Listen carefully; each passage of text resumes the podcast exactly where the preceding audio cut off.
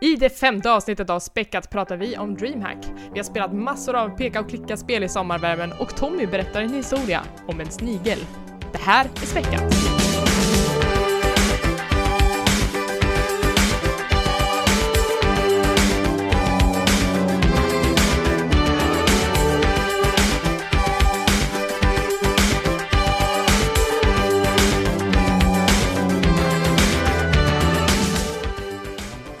Hej och välkomna till Späckat, en podcast som handlar om spel och allt runt omkring. Det här är det femte avsnittet. Jag heter Elisabeth och med mig har jag Niklas Hallå hallå? och Tommy. Hej! Gud vad länge sedan det var känns det som. Ja, så är det när man har semester. Du har varit på semester Tommy. Vart har du varit? Eh, jag har faktiskt varit på bröllopssemester med min, med min fru såklart. Ja, jag hoppas jag. Eh, ja, vi, åkte till Koh Samui och eh, jag överlevde. Ni som lyssnar på förra avsnittet vet väl att jag var sjukt nervös för den här flygresan. Men eh, tabletterna räckte och eh, jag höll mig vid liv. Och allt gick bra? All, allt gick eh, bra. Jag vet inte, det är rätt så tråkigt att höra om eh, hur folk har haft det i, i, i Thailand, för då sitter man väl mest och pratar om sol och bad och ja, billig mat och öl. Så jag vet inte, jag kanske skulle bjuda på någon slags tragikomiskt istället om ni vill höra. Ja, Något som tack. kanske inte var li- lika kul. Vi skulle ut och eh, snorkla, eh, jag, min fru och eh, 20 kineser och två norrmän. Ni har ju själv, det är redan början på en så här Bellman-historia Men nästan. du sa också i förra avsnittet att din fru inte simmar. Precis, så innan vi åker ut så frågar den här guiden eh, högt då, vilka här kan simma? Vilket det var jag, en kines och två norrmän som räckte upp händerna. Så då sa de att, ja, då får ni ha också lite ansvar och hjälpa de andra. Vi hade ju flytvästar på oss och fick öva vid strandkanten och snorkla runt med de här västarna. Mm. Men när de släppte ut oss och kineserna och norrmännen på djupt vatten, alltså 10 meter ner, så visste ju inte folk hur man flöt runt i de här flytvästarna, så det var ju mest som 20 ägg som låg och snurrade i vattnet upp och ner. Men folk fick till det eh, helt plötsligt och lärde sig liksom kontrollera hur man skulle flyta på de här flytvästarna. Tills vi är kanske 20 meter från båten och håller på att simma runt och kollar korallrev och liknande. Då vår guide skriker 'Hurry, hurry!' Och folk får ju panik i vattnet för vi är ju mitt ute i ja, havet och eh, folk tror väl att det är väl en haj eller vad som helst som kommer komma. Han står ju bara och skriker som en jävla tok där. Och jag sätter min min fru som inte kan simma får jag liksom sätta på ryggen och liksom köra så här bröstsim som känns som en evighet till båten medan kineserna är väl både före och efter. Så vi kastar oss in i båten och alla kommer in tills, och då har vi en stor jävla smäll och då är det liksom är det storm som öppnas upp mitt på havet och det bara vräker ner och eh, vi åker iväg med båten och det skulle ta väl en timme och en, en och en halv timme till fastlandet. Och den här stormen är bland det värsta som den här eh, besättningen, de här kineserna och även jag har varit med om. Vi flög ju runt i en sån här speedboat med höga vågor och vi fick sitta med flytväst och hålla i oss. Kaptenen skrek och eh, vad var det, säkert 8-9 kineser låg och kräktes på golvet. Varav den här, en av den här besättningen hade en sån här eh, hundbajspåse. Tyvärr hade de bara en som folk fick liksom dela på och kräka sig.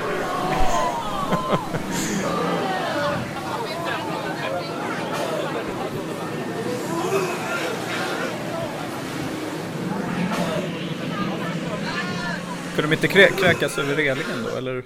Nej men det, det är ju ah, det är ju för farligt för vi flyger ju upp och ner. Man satt ju, man var ju tvungen att sitta fast för annars skulle man ju flyga ur båten. Det var ju storm och vi var ju mitt på havet och eh, min fru sa till mig att hon aldrig varit så rädd i hela, hela hennes liv. För när vi var och snorklade så kunde man ju titta ner, det var ju liksom bara ljusblått eh, hela vattnet ner till botten. Och då sa hon så att det enda jag tänkte på i en och en halv timme var att om jag flyger av och drunknar då är det här det sista jag kommer se. Så, De här kräkande kineserna. ja, och, och det här kräkset som liksom rinner ner i vattnet och sjunker tillsammans med henne. Men eh, vi, vi klarade oss, men när vi gick av båten då gick jag av först och då är det liksom 20 kineser som liksom ramlar ut som så dominobrickor över båten och fortsätter kräkas på stranden. Åh, Så, um, stackarna. Ja, det, där fick ni en annan historia av Thailand. Det låter ju nästan som en Kina-resa. Ja, kräktes mycket där eller? Ja, nu är det här kräkpodden, eh, men ja, vi blev magsjuka allihopa. Okej, ja. Ja, jag behöver inte gå in på några detaljer överhuvudtaget, men vi har haft liknande semestrar.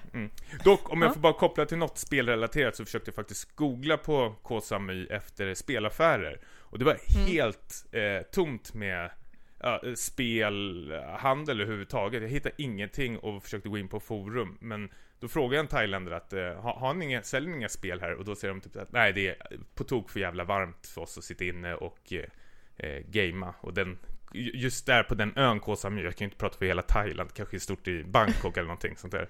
Eh, Men där fanns det ingenting. Dock så sålde de en eh, PSP för 2 500 vilket känns lite såhär, what? Jag kan relatera till att det är för varmt för att gamea, för lite så känner jag nu här i Stockholm. Ja. Ja. Men Niklas, vad har du gjort sen sist?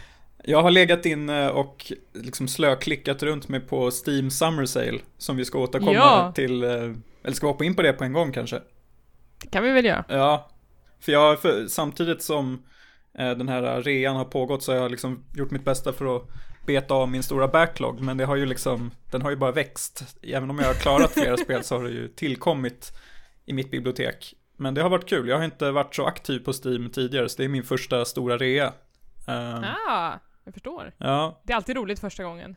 Ja, precis. För dig är det här blasé, eller Elisabeth? Nej, men eh, jag har nog varit med om ett antal Steam-reor nu, kanske två år. Det är ju en varje sommar och varje vinter.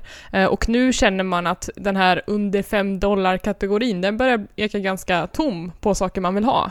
För jag har köpt allting. Ja, Ehm, så, nu, så nu i år har jag faktiskt gått lite på de dyrare grejerna. Ehm, jag eh, tänkte höra, hittar du några bra fynd? Ja, alltså jag har ju mest eh, hållit mig till de här billigare grejerna. Jag tror det bara var typ City Skyline som var det enda som kostade uppåt 100-lappen. Annars har det mest varit så massa billiga peka och klicka-spel för kanske liksom 20-30 spänn eller någonting. Ja. Eh, men samtidigt har jag ju liksom tittat på till exempel alla spel som ni äger som ligger där orörda och jag får lite panik av att samla på mig för mycket som jag aldrig kommer att klara av. Så jag försöker liksom eh, ja, dämpa köplusten lite och bara köpa det som jag känner att jag kommer hinna med inom en så här överskådlig framtid. Eh, men Du ja, kan ju lura dig själv. Det är helt okej att försöka intala sig själv. jag är för smart för det. Det går inte. Nej men det var väl lite peka och klicka-spel främst faktiskt. ehm, som jag eh, köpte. Du då? Ja, men lite samma här, för jag såg att det var många Telltale-spel som gick för en ganska billig peng nu. Eh, och jag saknade några, till exempel Walking Dead eh, säsong 2, Mission-spelet, eh, men också Game of Thrones-varianten. så att det har varit, peka och klicka har varit ett överhängande tema kan man väl säga den här igen. Mm. Och sen så har jag liksom klickat på mig lite titlar som jag vet att så här, ja det här var superaktuellt för två år sedan och nu är det billigt. så att vi får se. Eh, backloggen är som sagt stor. Jag gör inga större eh, åtgärder för att beta av den, utan det går ganska långsamt. Eh, ja, men nu har jag lite till. Han du köpa någonting Tommy? Eh, svar nja. Jag köpte ett spel faktiskt, bara hann jag med. Eh, och det gjorde jag från liksom Steam-appen i, i Thailand där. Men Ah. eh, jag, jag låg ju mest eh, som ett jävla stekt fläskberg på stranden och jä- jäste. Min, min, inte ens mina händer orkade trycka på köp känns som, eller scrolla runt det där. Så, men det, det vart eh, Pony Island, åh, heter det va? Ponytail Mm. Island. Pony På- Island. Pony Island. Mm. Det är jag helt sjukt peppad på och har varit länge, så det fick jag för en väldigt bill- billig penning.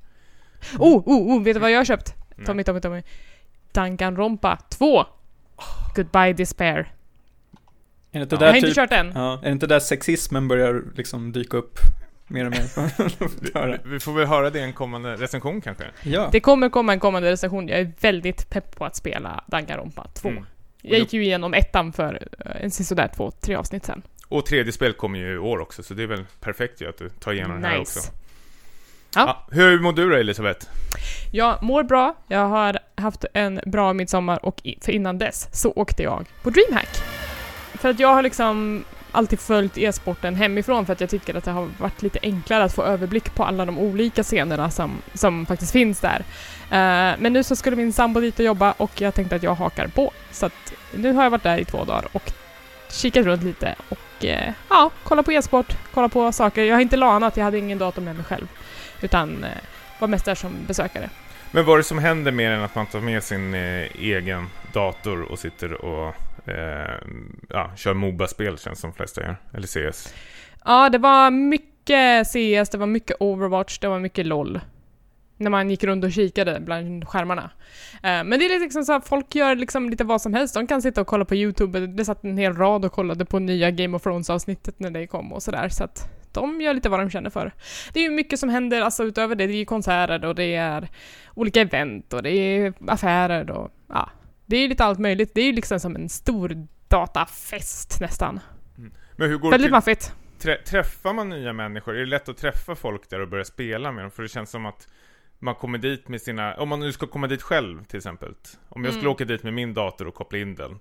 eh, Sitter jag, börjar jag hälsa på grannen, typ som bordsdam eller något liknande. Typ, eh, hej. Jag kan, jag kan inte svara på det, jag har ju som sagt inte Nej. haft planplats. Och jag sprang mest runt och träffade folk jag redan kände. Så att det blev, ja, det blev inte så mycket nya bekantskaper utan mest tjena på dem man inte har sett på ett tag. Det är nästan en utmaning att jag åker dit nästa gång själv med min dator. Men Och- jag tänkte nästan åka i vinter och ta med datorn. Ja men då får vi inte sitta bredvid varandra. Nej, men det Nej. behöver vi inte göra. Vi, vi och ska åka dit helt själva och försöka skaffa nya vänner. Säga upp bekantskap med allt annat. Lämna allt det gamla bakom oss. Jag tycker vi- att vi återbesöker det här konceptet i november när nästa DreamHack är. Ja, jag är säkert tröttnat på det igen då. Men eh, det, som vi nämnde i förra avsnittet så var det e-sport-SM på plats eh, och det var jag och kollade på. Ehm, det var, de spelade bara finaler. Vi korade en vinnare i Counter-Strike. Det blev Epsilon Esports, ett ganska välkänt lag i kretsarna som har varit med och tagit fram talanger som till exempel några av de stora Fnatic-spelarna. Eh, I Starcraft så var det Sunster som vann för 80 gången i rad. Han är ju Sveriges bästa Starcraft-spelare eh, just nu. Aktiv eller i alla fall. Eh, och sen så var det Hearthstone. Där vann en kille som heter Deathboost som är en superambitiös, cool kille som har... Han har verkligen kämpat med att ta sig så här långt och nu vann han äntligen SM. En 04 och en 1-2. Helt ärligt spelar det inte stor roll. Deathbus, eh, han, han kan nästan inte sitta still. Det är som att han inte förstår vad som håller på att hända. Alltså, det är väldigt svårt att förlora det här. Det skulle vara typ döda sin Åh, han vet vad som väntar. Han tänker försöka. Jajamensan. Han vet, han har det här i. Det finns skiten nu handen på brädet. Och Deathbus kommer ta hem det här. Tycker jag vet. Ja, en i ansiktet, två i ansiktet.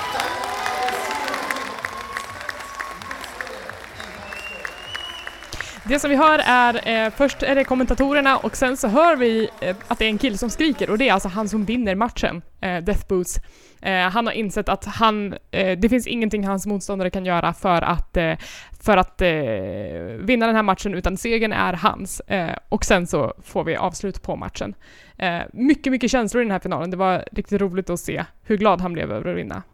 Men hur är det under matchen? Jag tänker, nu, nu ska jag inte förminska det här, verkligen inte, men eh, återigen, det är digitalkort eh, på, vid en skärm. Det händer ju inte så jättemycket. Eller kanske gör. Eh, vi, vi, vi pratade ju lite om det här i avsnitt två av Späckat, det som heter e-sportens golf, vilket är då Hearthstone som vi refererar till. Att det, det är lite långsammare än de andra e-sporterna och eh, i just den här tävlingen så är det ju faktiskt min sambo och en kompis till mig som sitter och kommenterar den här matchen för att förklara för åskådarna vad det är som händer och försöka bygga en slags dramaturgi som, som är intressant och spännande att lyssna på samtidigt. Så att de har ett jättestort jobb på sina axlar för att få liksom det här till att bli en fullfjädrad åskådarsport. Mm. Ja, men det tror jag verkligen. Eh, och det var ganska roligt för att samtidigt som e-sport-SM gick av stapeln så, så eh, gick den stora Hearthstone-tävlingen på DreamHack eh, samtidigt. Eh, och de här två killarna som spelade final i e-sport-SM gick ifrån DreamHack-tävlingen, spelade sin final och sprang sen tillbaka, vinnaren med en check under armen och en pokal i andra handen, eh, tillbaka till sin match i den stora tävlingen och sa Va, jag måste få nästa motståndare. Så här, smäller pokalen på bordet och bara nu kör vi. det är så här lagom psykande för den som han ska möta sen. Bara, shit, han vann just SM. Ja, ja. Jag, jag längtar tills det blir den dagen det blir lika stort som, eller lika stort men som schack och nå- någon får eh, lika mycket hybris som typ Bobby Fischer och kastar ut alla journalister och vill ha ett instängt rum. Alltså vissa, vissa, e-sportspelare är väl redan där. Okej, ja. Vi, Vi, vi, vi har ju några legendariska bad boys, speciellt i kanske Starcraft-scenen. vad har hänt mer i e-sportsvärlden då? Jag, jag vill ha mer. Du vill ha mer? Ja. Men du, jag har mer till dig. Eh, alltså sommaren är ju verkligen en högsäsong nu när det kommer till e-sport. Det är mycket stora tävlingar. Eh, vi börjar också komma in lite i VM-halvåret, så att det kommer vara många viktiga tävlingar, speciellt framåt hösten. Och en av de som är här närmast är ju The International, som är eh, vad ska man säga? Det är VM i Dota 2. Mm. Är det alltid kineserna som tar hem det där? Eller har jag helt fel? De är duktiga väl? Mm, kineserna är duktiga, men om man tittar på liksom eh, ett av de största internationals så var det 2013 när The Alliance vann. Det är ett gäng svenska killar. Och de tog hem den dittills största prissumman i e-sportsammanhang som då låg på en miljon och 400 000 dollar. Vilket är enormt. Delar de på den här prispotten då? De delar på den på fem personer och sen kommer det definitivt vara skatt och sådana saker på. Ja, fortfarande väldigt mycket pengar för en tonåring väldigt mycket pengar. Eh, och det är ju liksom, när de tog hem den vinsten så satte ju det e-sportsvärlden lite på den svenska kartan, även i mainstream-sammanhang. Så att det är eh, Ehm, det var riktigt, riktigt coolt. Och eh, grejen med den här prispotten är att varje år så crowdfundas den. Så att folk som eh, följer International kan köpa ett, ett eh, digitalt kompendium i Dota 2-spelet, alltså Dota 2-klienten. Ehm, där de kan följa olika spelare och följa, följa statistik och de kan göra lite sådär fantasy-grejer. Ehm, och då kommer en del av den summan som de köper där kommer att för gå till prispoolen. Eh, och den, det året som sagt så vann ju Alliance 1,4 miljon, 1,4 miljoner dollar. Nu, eh, för årets International, eh, ungefär en månad innan det faktiskt ska hända, så ligger den totala prispotten på 16,7 miljoner dollar. Och det ska ju då såklart splittas över de som, liksom alla lagen som spelar och placerar sig. Men eh, det är ohyggligt mycket pengar. Ja, kul. Ja, och eh, det som har hänt nu är ju att Alliance, eh, de tävlade inte i International förra året, de lyckades inte riktigt kvala. Men nu, förra veckan, så lyckades de faktiskt kvala i EU-ligan till årets International. Och det känns jätte. Bara vi inte får, nu när fotbolls-EM och sånt har, eller det pågår i- denna stund också, att det inte blir någon svensk soppa av det hela igen. Kanske Island kommer.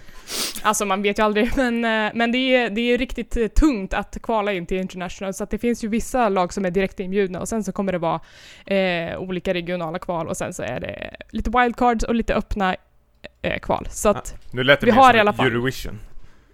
ja, lite så. Och så kommer Australien där på ett hörn. Ja. Eh, så det är lite andra svenskar utöver Alliance, men, men det är den enda helsvenska femman och eh, de har ju liksom den här vinsten från 2013 att leva upp till i år igen. Önskar dem lycka till. Verkligen. Har vi något mer? Vi har, eh, ja vad ska vi ha mer? Overwatch, har du spelat det spelet? Äntligen kommer vi till ett spel som jag, jag, jag kan. Som jag, ja, kör. Jag vill veta Ja. allt. ESL, som är då Electronic Sports League, eh, superstor e-sportsaktör. De har utlyst en Overwatch-liga med 100 000 dollar i prispotten. Den första stora Overwatch-ligan. Det här är Och de kommer, underbart. hålla, de kommer hålla kval i Europa och Nordamerika. Ehm, de kommer köra ett kval varje vecka fram till, eh, nu när det nu är, i augusti, tror jag det. Slutet av augusti. Ska Men- du vara med? Eh, ja, ja, ja, eller jag vill vara med. Jag vill ju visa upp mina eh, Saria skills. Eh, men vad, vad säger du? Det här är Europa och Nordamerika? T- tävlingen heter Overwatch Atlantic Showdown och det kommer vara eh, åtta lag som kommer komma, fyra ifrån Nordamerika och, fyra stycken ifrån Europa. Och ESL är ju faktiskt en, en europeisk aktör, så att de fokuserar faktiskt på den här sidan av världen. Um, så att jag tror att, liksom att Korea har säkert egna ligor på gång och det kommer nog bli ännu mer internationellt när vi börjar närma oss Blizzcon-tider, absolut. Eh, ja, synd dels, för jag, jag har ju följt eh, den koreanska eh, Overwatch-scenen eh, under senaste tiden väldigt mycket och de spelar ju, jag har ju hört väldigt många som är vana FPS-spelare, eh, alltså västländska, som har mött koreaner och eh, helt jag vet inte, för, för, eh, förbryllade, de är överraskade hur- på, på det sättet de spelar, de spelar ju helt annorlunda än vad klassiskt, jag vet inte, FPS inte, inte ska spelas men det Overwatch har gjort är att det har ju tagit liksom små eh, gener från till exempel Quake, Unreal och sånt där. Och då är ju gamla sådana spelare vana vid det sättet. Medan koreanerna har liksom kommit på ett nytt sätt hur man kan spela de här karaktärerna som Farah och eh, Saria bland annat. De har ju inte, de har inte riktigt samma FPS-kultur som vi har haft här i Europa. Nej, precis, vilket gör det väldigt oförutsägbart när västländska eh, team möter koreanska team, vilket blir hu- hur roligt som helst. Mm, superspännande. Och eh, nu är väl, eh, vad jag läste senast i alla fall, att det är den största eh, spelet i Korea just nu på eh, internetcafé faktiskt, det de spelar mest där. Ja, det har passerat League of Legends som har varit Precis. störst hittills. Det är eh, supercoolt. Och så nu följer ju den här eh, tjejen då som varit eh, anklagad, eh, det här är ju helt sjukt egentligen, hon varit väl anklagad för fusk för att hon var för bra eh, och då var väl tvungen, Blizzard tvungen att sätta luppen över henne och kolla eh, Just det, den här koreanska tjejen som heter Geguri. Ja, eh, som Ja. spelar Saria då, Och det var eh, tack vare henne som jag började spela Saria och jag märkte såhär, shit, så här kan man ju spela, det här ser ju skitkul ut ju. Men då fick hon väl typ såhär visa upp sig i något eh, live-liknande Twitch-sändning. Eh, med någon mask på sig. Eh, Och hon hade också kamera på mus och tangentbord så att folk skulle se att det var, var verkligen hon som gjorde de här rörelserna. Ja. Plus att det var väl två stycken kända, eller väldigt, väldigt professionella Overwatch-spelare som sa att om inte det här är fusk så kommer vi sluta spela. Och ja, de, de slutade spela, de gav upp. Har du sett det här klippet, eh, Niklas? Det har jag inte gjort. Eh, det låter ju helt otroligt. Om du är sugen på att spela Overwatch så kan jag rekommendera den här videon för att hon är eh, super, super duktig, alltså har sån himla koll på eh, och kan förutse var hennes motståndare verkligen befinner sig på kartan at all times. Men det, Eh. det som är så otroligt med det här klippet tycker jag, det är att det är så mycket nerver eh, som spelas in här. För nu ska hon ju liksom, i, i vanliga fall har hon ju suttit själv vid sin dator och spelat, men nu ska hon helt plötsligt liksom bevisa för tusentals människor att Jo, jag, jag kan visst sp- spela eh, Saria utan fusk eller något Så här bra. Ja, och då sa hon väl efteråt att hon var väl besviken över sitt liksom eh, presentation under den matchen hon visade upp att så här, eh, hon spelade rätt så dåligt men det var ju helt galet det man såg eh, under den eh, Ja, men verkligen. livesändningen. Och det finns lite allvar i den här historien också för att eh, en av de här spelarna tror jag som hade anklagat henne för fusk och som senare var tvungen att lägga ner för han fick äta upp sin hatt, eh, hade ju också riktat dödshot mot henne så hon liksom spelar ju lite med, med fara för sitt liv också så att det måste sätta en enorm press på henne Ja, verkligen. i det här sammanhanget. Ja, det är ju en um, Askungen-saga höll jag på att säga nästan, men det, men det, det är ju en otroligt skön känsla att hon liksom knäppte alla de här uh, på näsan och bevisade. Men lite tråkigt att hon liksom, samtidigt att man måste liksom bli inkallad och uh, uh, visa upp det här live inför massor med personer för att man, man bara för att man spelar ett spel egentligen. Men han, han som eh, då dödshotade henne, eller vad man säger, och eh, misstrodde hennes spelstil, vad gör han idag? Jobba på posten. Eh, slutligen på e-sportsfronten så skulle jag också vilja puffa för ett annat stort eh, evenemang som går av stapeln inom kort och det är den stora fightingspelstävlingen EVO eh, som samlar de största fightingspelen och de största fightingspelarna under samma tak och eh, låter dem göra upp i superprestigefulla turneringar. Eh, så det kommer vara lite Street Fighter, det kommer vara lite tecken, det kommer vara Smash i alla dess former eh, och alla andra klassiska fightingspel ni kan tänka på.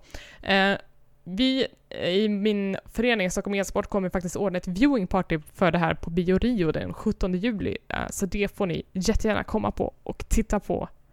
Vi kommer också ha lite turneringar på plats.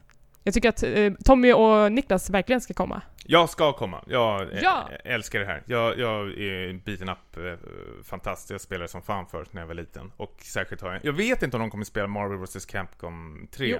De kommer göra det?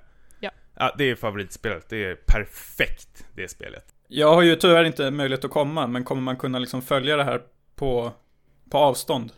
istället? Eh, ja, du kan ju kolla på Twitch som vanligt. Eh, alla e-sportstävlingar En går Twitch-kanal på på Bio Rio vill jag ha. När Ja. Ser Tommy gå omkring och prata med fans. Twitch. A stre- stream of a stream. Okej, absolut.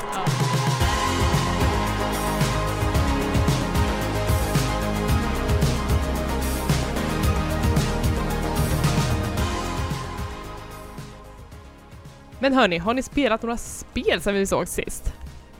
Niklas, du kan få prata lite nu. Ja, precis. Får ni hämta andan lite. Uh, jag har faktiskt spelat ett, eh, jag var inne på det lite tidigare, att jag hade börjat eh, bli lite intresserad av PK och klicka-genren igen. Alltså liksom den här mer lite föråldrade genren. uh, som pikade väl i början på 90-talet med eh, LucasArts och Sierras eh, spel, typ Secret of Monkey Island och Indiana Jones och hela den biten. Eh, det kom ju faktiskt lite nya spel i den här genren, även fast man kanske inte kan tro det. Och ett av dem är eh, Cathy Rain som är ett svenskt eh, pek och klicka-spel. Som man kan väl säga att det hyllar dels peka och även tv-serien Twin Peaks, alltså två tidiga 90-tals eh, fenomen. Eh, Gud vilken bra kombo. Ja, jag tyckte ju då att det lät väldigt kul på pappret, så jag slog ju till på det här. Bara handlingen... Var det, var det på rean? Nej, det var faktiskt innan rean. Eh, jag Aha. tänkte det här vill jag, det här vill jag stötta fullt ut. Så eh, bara handlingen i korthet. Den, ni kommer märka att det påminner ganska mycket om Twin Peaks här, för att det handlar ju om den här eh, journaliststudenten med skinn på näsan då, som återvänder till den, dels sin, sin hemstad. Eh, hon åker då motorcykel dit när hennes farfar... Vart är det här Twin Peaks någonstans? det kommer snart. jag har ingen FBI, jag har ingen Dale Cooper, jag har ingen liksom bl- Log Lady. Ja, precis. Där, däremot så finns det eh, en flicka som har drunknat. Det finns en mystisk skog som kanske agerar till någon typ av portal till eh, en annan värld. Det finns en, Mm. en sheriff som heter Truman, precis som i Twin Peaks.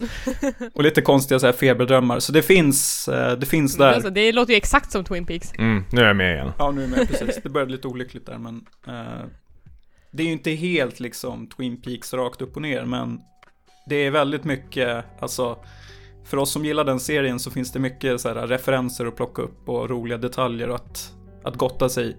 Vad, vad har ni spelat i den här genren? Har ni också som jag liksom helt glömt bort att den existerar? Jag vet att den existerar och jag har ju kört lite så här. jag vet inte om Telltale räknas, men jag har också spelat ett peka och klicka-spel som jag kommer prata om när du har pratat klart om det här, tänkte jag. Ja, okej. Så att, eh, så att jag är nästan lite fräsch. Uppdaterad.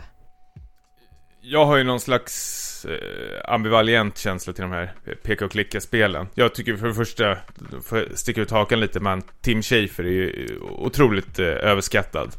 Eh, faktiskt. Det som frustrerar mig med de här peka och klicka-spelen, jag vill ju spela dem, jag vill ju ta mig igenom dem, för oftast är det ju rätt så rolig och intressant story. Men de här jävla pusslerna och man ska liksom combina items med varandra som är så sjukt eh, långsökta ibland blir mig, gör mig bara liksom frustrerad. Mm. Eh, men det finns ju en hel del eh, logiska pick och klicka-spel som jag verkligen tycker om. Men jag tycker i stora hela så tycker de flesta fa- faller på det här. Som, jag, vet, jag tycker inte det är kul att kombinera ett tuggummi och en höna så blir det en slangbella. Nej, jag, jag håller med. Alltså det, det som det här spelet lyckas med är väl att det finns såklart ett par långsökta pussel, men annars en ganska så här bra blandning. Eh, det utspelar sig eh, 1995, så det blir lite så här gamla eh, lite gamla tidsmarkörer som att man eh, eh datorer är ganska nya så det, det, man blandar lite pussel när man typ bråkar med IT-avdelningen på sitt campus med att man ska då sitta på någon vind och eh, hålla på och slå upp eh, i en mattebok då för att komma fram till någon, någon typ av lösenord. Så det är eh, en rätt schysst blandning av så här högt och lågt när det gäller pussel. Och sen ska vi säga också att det är, det är gjort av en svensk eh, enmansstudio, Clifftop Games, som eh, började med det här redan för typ fem år sedan. Så det här har liksom varit på gång ett ganska bra tag. Och man märker att det är, det är mycket nostalgi och, och kärlek till, eh, ja dels då PK Klicka och dels Twin Peaks och sådana här typer av mysterier som har liksom präglat hela, hela utvecklingen. Så om man gillar de här eh, två delarna så har man ju mycket att hämta. Hur är storyn? Storyn är eh, rätt bra faktiskt. Alltså den är, som sagt, om man har sett Twin Peaks så tror jag att man kommer liksom förstå lite vart den är på väg. Och eh, jag har läst att eh, vissa inte gillar slutet i Cathy Rain för att eh, lite av samma anledning för de som inte gillade slutet på Twin Peaks eh, säsong två då, att det blev lite av en urspårning. Eh, jag tycker ju sånt är rätt kul så jag gillar det. Eh, sen är den ju lite så här eh, lite lättsam, lite som att det är typ en så här sommardeckare som man typ bläddrar igenom och kanske inte är något som jag kommer att eh, tjata om liksom i slutet av året. Men här och nu så tycker jag att det känns, eh, känns som ett rätt fräscht spel ändå, tycker jag. Är det nytt? Ja, det kom bara för någon månad sedan. Jaha, åh fan, jag trodde att det var kanske typ förra året. Jaha, nej nej, det är sprillans nytt, men det ser ju väldigt gammalt ut. Det ser ju ut som Ja. det har skapats under liksom heydayen på i PK-klicka. Ja, jag förstår. Ehm, och jag tycker det är lite som Tommy var inne på med Tim Schafer. Det känns som att när spelmedia tar upp något inom den här äh, typen av spel, då är det antingen liksom att äh, Tim Schafer har gjort en remaster på antingen Grim Fandango eller Day of the Tentacle, eller något sånt där. Och det, det gör ju genren lite en otjänst tycker jag, att det känns som att man får intrycket av att det inte släpps något nytt. Äh, men, men det gör det ju, bara att man liksom får leta lite mer för att hitta de här pärlorna. Det, det finns väl en hel drös av de här spelen eh, på Steam, vet jag ju. Ja, precis. Jag är ju otroligt peppad på det här eh, Kentucky Route Zero som aldrig vill bli, bli klart. Eh, det, det är väl fem episoder ska släppas, jag tror de har släppt fyra nu kanske. Tre tror jag. Det är, det är den fjärde som är på gång. Men, men det var liksom för Ja. flera år sedan som den kom. Ja, det är väl två stycken personer som sliter med det här eh, Ja. projektet som har ett riktigt jobb de måste gå till. Ja. Eh, men men det, det verkar ju vara lite mer eh, min, min typ av eh, spel, lite mer storydrivet och lite mindre pussel. Mm. Ja. ja, här lyckas man ändå rätt bra med balansen. Ehm, men det är klart, det finns ju ett par pussel som man liksom känner att nej, det här, det här får jag gå in och kolla på, på fuska lite på. Men det hör väl till, tänker jag mig. Så det är så pass ändå? Ja, jag fick göra det.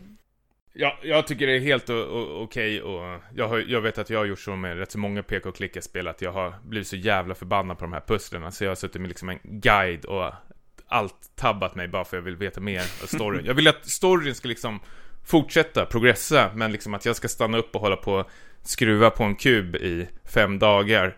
Eh, och sen liksom när jag lyckas med det här så fortsätter storyn, men då har jag liksom glömt bort var jag var någonstans, jag är bara frustrerad. Men jag är ju lite mer åt det här kanske visual novel eh, tänket att jag vill att det alltid ska hända någonting hela tiden. Jag kan inte stanna upp och dra i spakar och sånt där. Mm.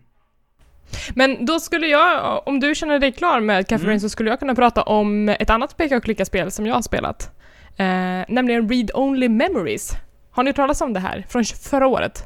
Ja, det är väl lite Ja. så cyberpunk eh, visual verkligen. novel, peka klicka. Ja. Ja, ehm, det här är ehm, de som är ansvariga för eh, konventet Gamer X, som är ett HBTQ-konvent för eh, för eh, ja, men hbtq-personer, liksom hbtq-kulturen, att de ska ha en safe space att kunna eh, röra sig och liksom njuta av spel tillsammans. Eh, de fick lite nog av den här debatten eh, om representation i spel.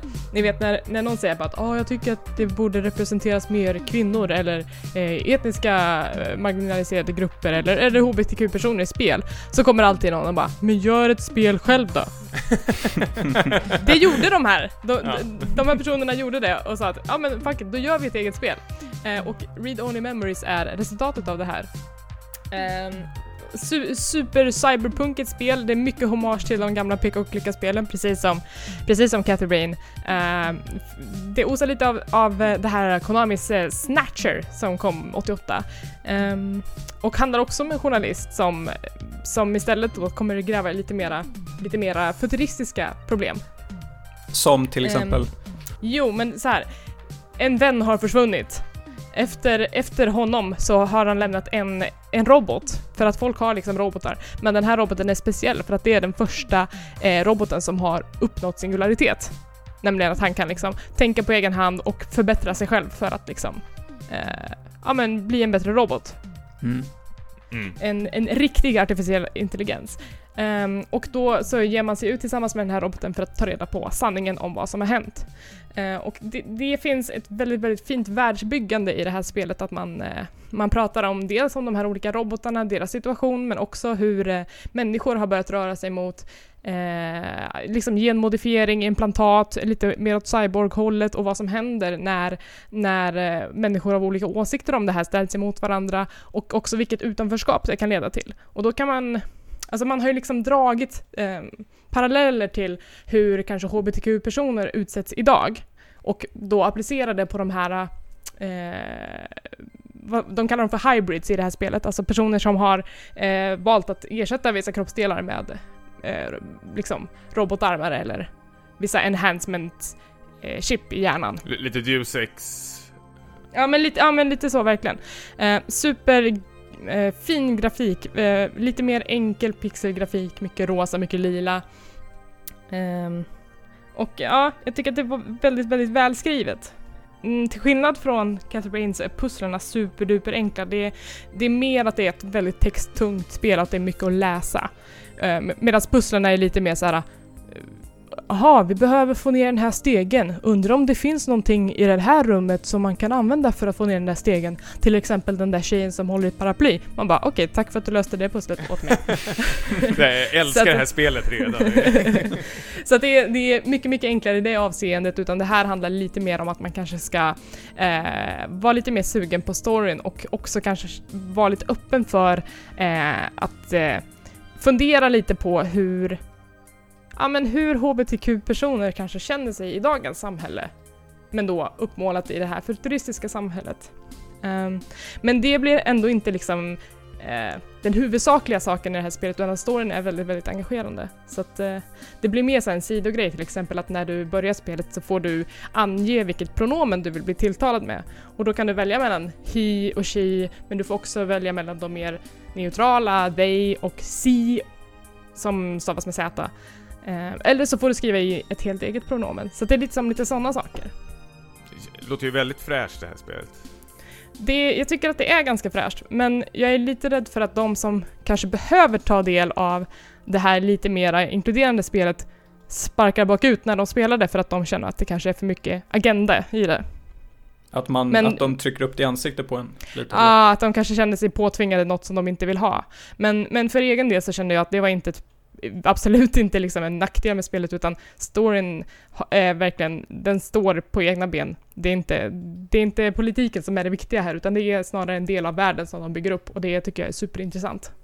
Ja, det finns mycket att hämta andra ord. Ja, ja men, eh, och det är ganska kort, det tog mig sex timmar att ta mig igenom det och det var superfin upplevelse tyckte jag verkligen. Vad är det här för eh, plattform finns? Ehm, det finns till eh, ja, men Windows, Mac. Eh, det finns också till mobil tror jag och till mm, Vita. Jag tror att det finns till ett gäng olika plattformar faktiskt. Eh, problemet var lite här att jag körde på en väldigt stor skärm och det här spelet eh, funkar nog bättre på mindre skärm för att grafiken är väldigt blockig och även typsnittet är väldigt så här, eh, pixelerat och ganska stort så att på en stor skärm är det faktiskt svårt att läsa så att jag skulle rekommendera det på kanske något mer handhållet.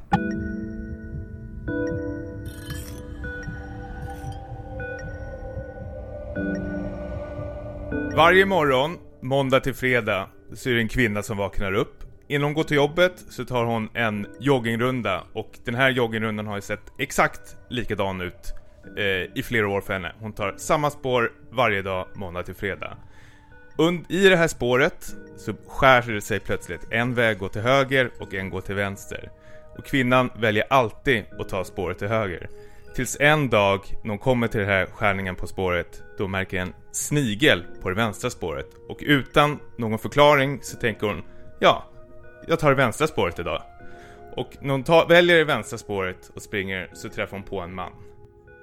Dagen efter så hittas kvinnan mördad i skogen och en man blir såklart anklagad för det här och döms då till dödsstraff. Några år senare kommer man på att den här mannen är oskyldig och kvinnan till den här mannen som är oskyldig blir så förtvivlad att hon eh, tar livet av sig och kastar sig framför en bil eh, som är en taxibil där det både taxichauffören och eh, ett barn som sitter i baksätet omkommer. Och sammanlagt så dör sex personer på grund av en snigel. Och det här är ju grundtanken, eller principen i det här spelet som jag har spelat nu. Eh, Zero Dark, eller Zero Time Dilemma. Alltså den avslutade trilogin i Zero Escape-serien. Hörde ni? Är ni fast? Ah, nej, jag förstår ingenting.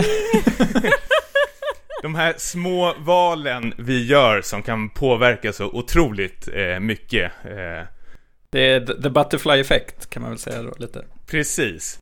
Det som, det som eh, Until Dawn eh, hävdade att de hade, men som de inte hade. Ja, och den här storyn som jag berättade nyss, eh, som jag twerkade om lite, eh, berättas återkommande i det här spelet. Då du är instängd i, eh, du vet inte varför, du är instängd med, eller tillsammans är det nio personer som är instängda. Och eh, det är ju en lekledare, eh, precis som de andra två spelen, som förklarar att eh, ni kommer vara här in, eh, instängda och det enda sättet att ni kan komma ut är att sex personer måste dö och då får ni ett lösenord och då öppnas dörren. Och då sätts det här, eh, ja, spelet igång. Där de här nio personerna är uppdelade i tre olika lag, tre i varje lag. Och ingen vet var de är där och enligt de här personerna så säger de att man känner inte varandra, man har inget gemensamt med de andra personerna. Men desto mer du spelar det här eh, härliga spelet så börjar du nysta i de här karaktärerna och hur det egentligen ligger till och varför du är nu inlåst i det här rummet. Du pratade ju om eh, det här 999 för några avsnitt sedan. Det är alltså samma trilogi. Precis, det här är ju eh, skaparen då, Kotaro Uchikoshis, eh, du har väl räknat som hans liksom magnum opus och eh, eh, första spelet 999 som kom till DS och eh, nu finns på iOS och ska även släppas till PC. Sen två år senare så släpptes eh, ja, eh, Virtues Last Reward som var uppföljare och eh, nu eh, fyra år senare så släpps det liksom det tredje spelet som ska knyta ihop den här säcken. Det här, det här är ju en av mina fa fa eh, favoritspel eh, någonsin nästan nu när jag spelar klart det här spelet. Att eh, det, det, det, jag har aldrig varit med om ett sånt otroligt välskrivet spel och som ändå liksom knyter ihop de här två föregående spelen eh, och gör det på så otroligt snyggt sätt. Och bara för liksom förklara hur det spelas är att du, på din, jag spelar på PS Vita, det finns på DS och det ska komma till PC också. Är att du har, precis som ett liksom ett, åh, det grenar ut sig som en rot, med, som ett träd där du kan välja liksom A eller B, vilken väg man ska gå. Du får väldigt mycket alternativ. Och när du väljer ett alternativ så får du liksom se den sidan av storyn, det här parallella universumet. Men det kan ju vara liksom ett bad ending du får i slutet och då får du liksom backa tillbaks och välja en annan grej. Och sen helt plötsligt kan det vara ett pussel som du fastnar på och då säger de typ att det här pusslet kan inte du lösa just nu och då får man backa tillbaks igen. Det här låter kanske jättekrångligt eller Men vänta, jättejobbigt. tycker, vänta, så att det här, här är liksom en, ett, ett spel där dina val verkligen påverkar storyn och där du faktiskt kan gå tillbaka. För det tycker jag låter super, super nice, att du inte behöver spela om hela spelet för att få se liksom alla vägar som du kan gå. Det, de tidiga spelen hade exakt likadant och det jag älskar med det här, så jag vill verkligen, alltså det är väldigt svårt att prata om det här spelet utan att spoila någonting. Men det är liksom, förutom de här nio deltagarna, man styr ju eh, de här tre lagen då i det här spelet, man, man kan hoppa emellan dem, är ju att den även inkluderar spelaren själv, utan att säga för mycket. Och det finns, alltså nu gör jag små kaninögon här, det finns en förklaring till varför du kan backa tillbaks och välja ett annat parallellt universum. Och när det, när det börjar liksom nystas upp, precis som de tidigare spelen, så blir det liksom jag vet inte, man blir helt mindblown. Jag skulle nästan kunna förklara det här som liksom tillbaka till framtiden möter memento. Mhm. Mm. Och du hoppar, och grejen är att du får ju de här små, jag skulle nästan kunna kasta in filmen Sov också, för du hamnar ju i sådana här obekväma situationer där du måste ta koll på en karaktär och stå för ditt val. Men nackdelen är att för de här karaktärerna, att när de har gjort det här valet och dödat hen, så sövs de ner och sen väcks de eh, upp och då har de liksom tappat minnet. Så då kommer de inte ihåg att de har liksom tagit livet av den här personen. Och då börjar massor med anklagelser och sånt kastas mellan karaktärerna. Och bara för att göra lite krångligare för er är att det inte är kronologiskt. Oh, så no. du kan välja ett fragment i en story som är mot slutet. Och, helt, och då ligger liksom bara massor med lik på golvet och du fattar inte vad som har hänt. Men sen när du backar tillbaka och väljer ett annat fragment så får du se liksom hur det har gått till. Så det är verkligen, det, det låter hur rörigt som helst och det var det kanske två, tre första timmarna men sen spelet är så otroligt duktigt på att ta det i handen och liksom ta det lugnt, allting, få en förklaring mot slutet hur det egentligen ligger till. Ja, för det känns som en kritisk grej när man ska liksom leka med den här sortens dramaturgi. Men du har alla de här tidslinjerna framför mig, dig. Du trycker bara på startknappen så kan du liksom Ja just det, det här har jag spelat och då händer det det här, just det, just det. Du får liksom små, vad ska man säga, små frames över den här serien av den här händelsen du har valt av det här just parallella universumet. Och sammanlagt så skulle vi säga att det kanske finns 20 styckna, det vill säga kanske 20 olika slut i det här spelet.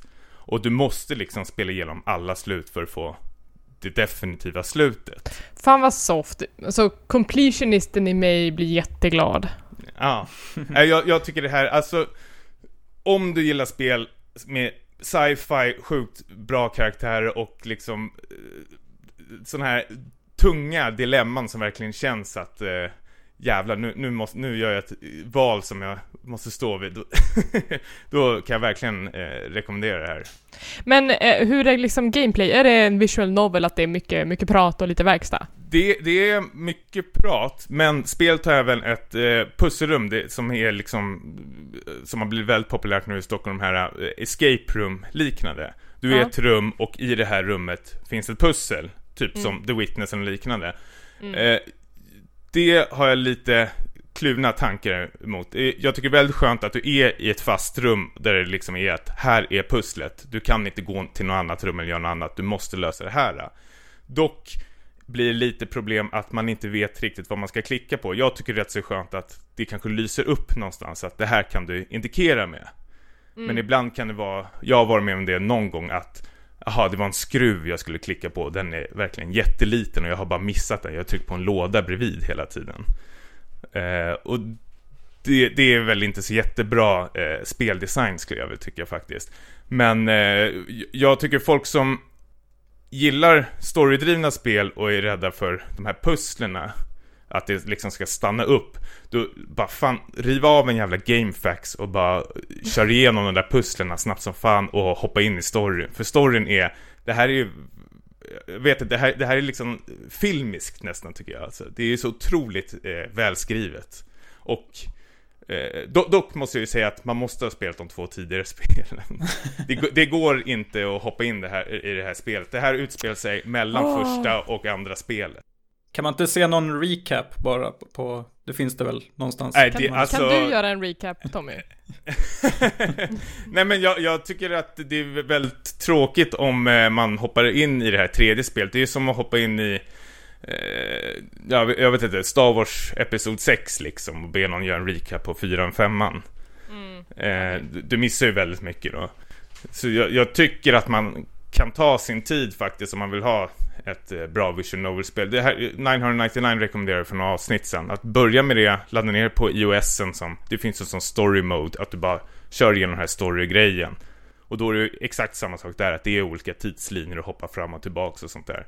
Men det, sen när du kommer till nästa spel, Virtuous Last Reward, och nu det här sista, Zero Time Dilemma. Och det är, åh! Coolt. Jag tyckte att du sålde in det mer eh, när du berättade om själva spelet än om berättelsen om snigeln. Var den så dålig? Jag, jag får gåshud när jag hör den historien. Jag, Du kanske har hört den för många gånger? Ja, Okej, vad vadå, är det en 3 plus historia eller? Nej men fan, jag, jag, jag blir helt tokig när jag hör sånt där. Det är bara små saker i vårt liv som kan förändras, eh, påverkas för många andra runt omkring en. Otroligt läskigt, att en liten snigel, och, ah, ja, jag vet inte. Men det är ju det som har lite med det här eh, Zero Time Dilemma med och göra också. De här små, små sakerna, valen man gör, eh, gör att hela storyn kan bara balla ur på grund av en liten sak. Vilket gör det väldigt intressant.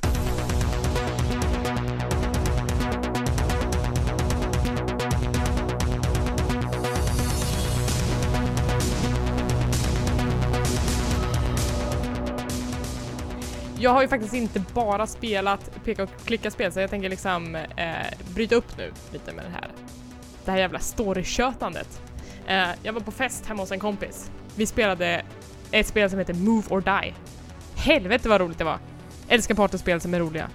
Det är lite i samma anda som, eh, eh har ni kört typ Towerfall Ascension eller Speedrunners eller eh, Samurai Gun, de spelen? Tow- Towerfall är fantastiskt kul. Det, det har vi brukat, har vi spelat hemma hos dig Tommy. Flera jag tror gånger. vi skulle nästan kunna uppträda i någon slags VM i det där. Eh, otroligt duktiga vart vi på Towerfall. Ja, men, för, för, men då vet ju ni att det är ett helt fantastiskt spel, att det är, alltså tempot och liksom, ja men att det är så himla kaotiskt, att det blir en väldigt kul partystämning. Ja, Move or Die är lite i samma anda. Man är, eh, spelet går ut på att man kör olika småbanor, det tar max 2-3 minuter per bana. Eh, nej, det är nästan en minut per bana. Eh, och grundkonceptet är eh, move or die, alltså om du inte rör dig så kommer du dö. Utan du måste hålla dig i rörelse hela tiden. Utöver det så har alla de olika banorna supermånga olika objectives och du kan även välja till en massa power-ups. Det var så hysteriskt roligt, alla satt och skrek, eh, blev så otroligt tävlingsinriktade, allas bästa och sämsta sidor kom fram och ja, helt fantastiskt. Är det ett PC-spel? Eh, ja, PC tror jag. Steam körde ju vi det på. Vi, vi använde liksom via Steam Link eh, för att få upp det på storskärm. Ah, ja. Okej, okej, ja. Men du, du, det här är fyra play-spel och du, jag förstår inte riktigt vad du gör. Du springer runt och du måste röra dig hela tiden. Ja. Ja. Men sen så, sen så finns det ju som sagt en massa olika objektiv, så att det kan vara till exempel att ja, på den här banan så får ni inte eh, nudda de röda blocken och sen så blir helt plötsligt några block på golvet röda och så måste man liksom springa därifrån. Eh, och det kan vara att man ska skjuta varandra, eller att man ska hoppa på varandra, att man ska hugga varandra i ryggen, eller det kan vara att man ska fylla banan med färg, eller ta bort färg från banan. Alltså det finns eh, jätte, jättemånga olika objektiv. Ehm, och sen så och sen så är det de här power-upsen som spicar till det lite grann. Så en av dem kan vara till exempel att spelare som har dött på banan kan gå runt och sabotera för de andra spelarna. Det finns också ett läge som heter eh, Move and Die, som då istället går ut på att man ska stå så still som möjligt men ändå försöka klara det här objektivet. Eh, så att det är liksom högt och lågt, allt mellan himmel och jord. Eh, deras tagline på deras hemsida är “Destroy some friendships” eh, när, man ska, när man ska köpa det. Eh, jätte, jätteroligt. Det här låter ju som det här roliga partyspelet som till exempel senaste Mario Party inte var. Det var ett ganska tråkigt spel. Om ni ska välja mellan Mario Party eller Move or Die till ert nästa partyspel så kan jag väl med fördel säga Move or Die. Tommy ska ha fest snart, det, det här blir utmärkt. Jaha, tack. Alla lyssnare kommer nu. Alla lyssnare kommer. Ja. Ja. Varmt välkomna till att spela Move or Die hemma hos Tommy. På Kungsgatan. äh, ja. Men kul. Men det här finns inte till konsol alltså? Jag försöker kolla Nej, upp det nu. eh, eh, det framför- står Windows, eh, Mac och Linux. Ja, det är ju lite tråkigare. Ja, men det kanske kommer, man vet aldrig. Ja, jag ho- hoppas det. Eh, jag För det, inte- det är ju som sagt ganska nytt också, så att det kanske... De Mm. kanske tar det ett steg i taget. Ja, ja, det har ju blivit ont om eh, partyspel hemma. Jag, jag tror, det, det är väl fortfarande Towerfall vi spelar hos mig. Ja, då är det dags att byta. Ja, det är det. Sweet. Eh, sen har jag också spelat, eh, för nu börjar min väntan efter Pokémon Go bli alldeles olidlig. Eh, Skämtar Det ska- du? alltså det ska ju komma, nu har de ju sagt juli. Det är juli idag. Det finns några rykten på Reddit som säger att det ska komma imorgon till och med, men man vet aldrig. Men eh. in, inte i Europa väl? Tror du det? Jo, jag tror att de släpper det worldwide samtidigt. Jaha, hoppla. Ja. Eh, de har ju haft beta i Australien bland annat. Ja, jag tänkte bara så det inte blir någon Diablo-server det hela. Det kommer säkert bli. eh, nej men så att jag eh, gav mig på eh, utvecklaren Niantics tidigare spel Ingress, som de gjorde tillsammans med Google tror jag. Eh, det är alltså Niantic som gör Pokémon Go tillsammans med Nintendo. Så det här är alltså deras första GPS-baserade spel som går ut på att man ska eh, ta sig runt i världen via GPS och hacka små roliga portaler. Ehm, så det började med igår. Eh, jag har tagit jättemycket promenader sen igår. Eh, väldigt Eh, jag, jag gillar mekaniken i att du har liksom en karta. Du ser en massa portaler i ditt närområde och om du går till dem så kan du på olika sätt samla XP och gå upp i level eh, och bli bättre och få bättre saker.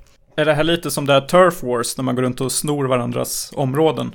Ja men verkligen, fast lite, lite mer avancerat. De har liksom lagt till fler dimensioner av gameplay så att du kan liksom eh, du kan sätta upp olika små skydd på dina portaler som du och ditt lag har tagit för att hela spelarbasen är uppdelad i två lag. Det är eh, de upplysta och motståndsrörelsen. Så att alla på det ena laget samarbetar och de, det andra laget samarbetar med varandra. Ehm, Blir man inte stressad av sånt där? Förlåt att jag avbröt, men jag känner mig redan stressad nu att du måste springa runt och hålla på och vakta dina saker. nu. Jo, och det är väl det som är lite moroten för att du ska komma ut varje dag. Du måste liksom hålla efter det som du eh, faktiskt har satt satt dig ut för att göra. Eh, det finns ju liksom andra mindre kompetitiva, eh, vad ska man säga, motionsspel som till exempel, jag vet inte, Zombies Run eller The Walk och, och de, den sortens spel. Men just Turf Wars, Turf och eh, Ingress är ju kompetitiva spel. Det här spelar man ju med och mot andra spelare. Så de vill att feta gamers ska bli smalare. För jag, jag köpte Wii Fit, kommer jag ihåg. Jag vart bara tjockare av det där jävla skitgrejen. You're doing it wrong. Ja, nej, men-. Alltså för mig så slår det här på helt rätt strängar. Jag kan vara så här, jag bara, ja men jag ska bara gå ut och titta på den här portalen som är precis utanför dörren och sen så har jag gått på liksom en tre kilometers promenad sen. Eh, så att för mig funkar det verkligen. Men eh, man ska hacka på den, står du och viftar med den där iPhonen då liksom? Eller som en jävla galning? Eller- Eller sitter du och trycker då på skärmen antar Det är jag? som computer hacking, så att du ska trycka på en knapp liksom. Eh, så att du, eh, du har liksom de här olika portalerna, de tillhör olika lag, så att på ditt eget lag så kan du gå ut och liksom samla in saker ifrån de här portalerna eller sätta upp mer skydd på dem och när du hittar motståndarlagets portaler så ska du försöka eh, attackera dem och bryta ner deras försvar och kanske till slut försöka ta över den. Eh, Okej. Så att det är liksom ett pågående krig mellan de här två sidorna. Jag var ute och körde lite i Östermalm, det var mycket motståndarlaget där. My- mycket äh, blått. Nej, det är jag som är blå, så det är de som är gröna. Jag tänkte att det var moderater, eller? Eh, men så att det, eftersom de har gjort det här ingress, även om det är lite komplicerat att komma in i så är det väldigt så här äggande att man vill komma ut och bara åh, jag måste gå ut och kolla. Eh, så tror jag att, de, att Pokémon Go är i väldigt goda händer nu. Jag är full av pepp. Ja, jag, jag är fortfarande skeptisk till sånt här. Jag vet inte varför. Jag, särskilt Pokémon Go. Jag kan inte se det funka framför mig. Förlåt att Elisabeth att jag skjuter ner dina drömmar här, men jag måste ifrågasätta lite. Ska man bara gå ut och battla med folk där? Om vi går till Pokémon. Go nu? Nej, Eh, inte? Okej, jag har läst lite rön, jag har hängt lite på redditen idag. Eh, det, det kommer funka så att du kommer kunna fånga Pokémon, du kommer förmodligen kunna battla på något sätt, men eh, det som verkar vara den huvudsakliga mekaniken är att efter ett tag så kommer alla Pokémon-tränare få delas in i tre olika lag, det röda, det blå och det gula laget. Så det här, det här påminner ju lite om ingress. Eh, och sen så ska tränare ifrån de här olika lagen gå ihop och bilda gym. Så att det finns gym på bestämda platser i, i världen. Eh, och sen så tar man över dem, man sätter designated Pokémon på att vakta dem och sen så ska folk från de andra lagen komma och försöka liksom slåss mot den här, de här Pokémonsarna som, som vaktar. Så det är, det är lite samma princip egentligen. Ja, ja låter Men med- exakt likadant alltså. Ja, jag vet inte liksom hur, hur, hur, vad som är annorlunda eftersom vi inte vet så mycket om spelet än. Nej. Eh, men det verkar vara liksom den stora mekaniken och sen kommer det finnas lite annat runt omkring. Ehm, och eh, liksom, jag håller redan på så här, paktar med mina kompisar. Vi ska ta över stan.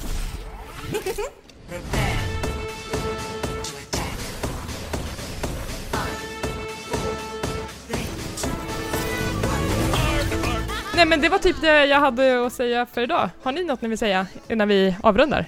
Nej, eh, återigen vill jag faktiskt eh, tacka för alla fina ord vi har fått för de här eh, avsnitten vi har släppt faktiskt. Ja, det är jättekul att m- ni Mycket lyssnar. trevliga lyssnare faktiskt, har vi, verkar det som. Och sk- skicka gärna in någon mail eller något liknande om ni har några frågor eller om ni vill att vi ska prata om något spel eller något liknande. Eller droppa en rad på Twitter eller Instagram. Vi finns ju överallt. ITunes-recension hade varit Ja. trevligt. om man får vara sån.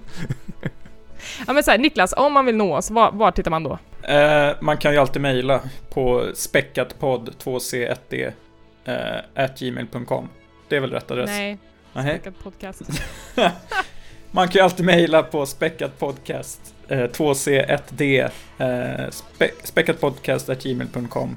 Eh, Och så kan man ju också höra av sig till oss på olika sociala medier. Eh, jag tänkte faktiskt be om lite så här brädspelstips på, som man kan skicka till min eh, Twitter. Niklas Lundqvist heter jag där. Jag ska nämligen sitta i en fjällstuga en vecka i sommar. Och för att inte drabbas av så här cabin fever så tänkte jag att det vore kul att, att sitta och spela lite spel. Jag kan ge dig brädspelstips också, don't worry. Ja, vad bra. Eh, Annars kommer jag inte få någon respons. Men vårat Twitterkonto heter då Späckatpodd. Ja, precis. Jag vill ju göra reklam för mig själv där först. Ja, jag vet. Mm. Va- Vart kan man hitta er, er då? Eh, jag heter Hangry Eli på Twitter och Hangry Spice på Instagram. Och eh, jag heter Tommy understreck Jansson. Jag behöver lite tips på eh, barer i Frankrike nu när jag drar dit om eh, några dagar. Så sk- skicka in gärna. Och eh, Stimpas på Instagram så får ni bilden när jag ligger, ja, jag vet inte, solbränd någonstans. Röd. ja. Och som, och som sagt, podcasten hittar ni på Späckad podd på både Twitter och Instagram. Eh, droppa en rad, eh, skicka ett brev, ge oss lite tips eller ja, lite vad ni vill. Eh, vad kommer vi prata om nästa gång vi ses? Jag hoppas att du har spelat Pokémon Go. Det hoppas jag med, så himla hårt. Annars är jag jättesugen på att sätta tänderna i Inside, eh, de här danskutvecklarna, eh, alltså de som gjorde Limbos eh, nya spel. Coolt! Ha det bäst! Ja, detsamma. Ha!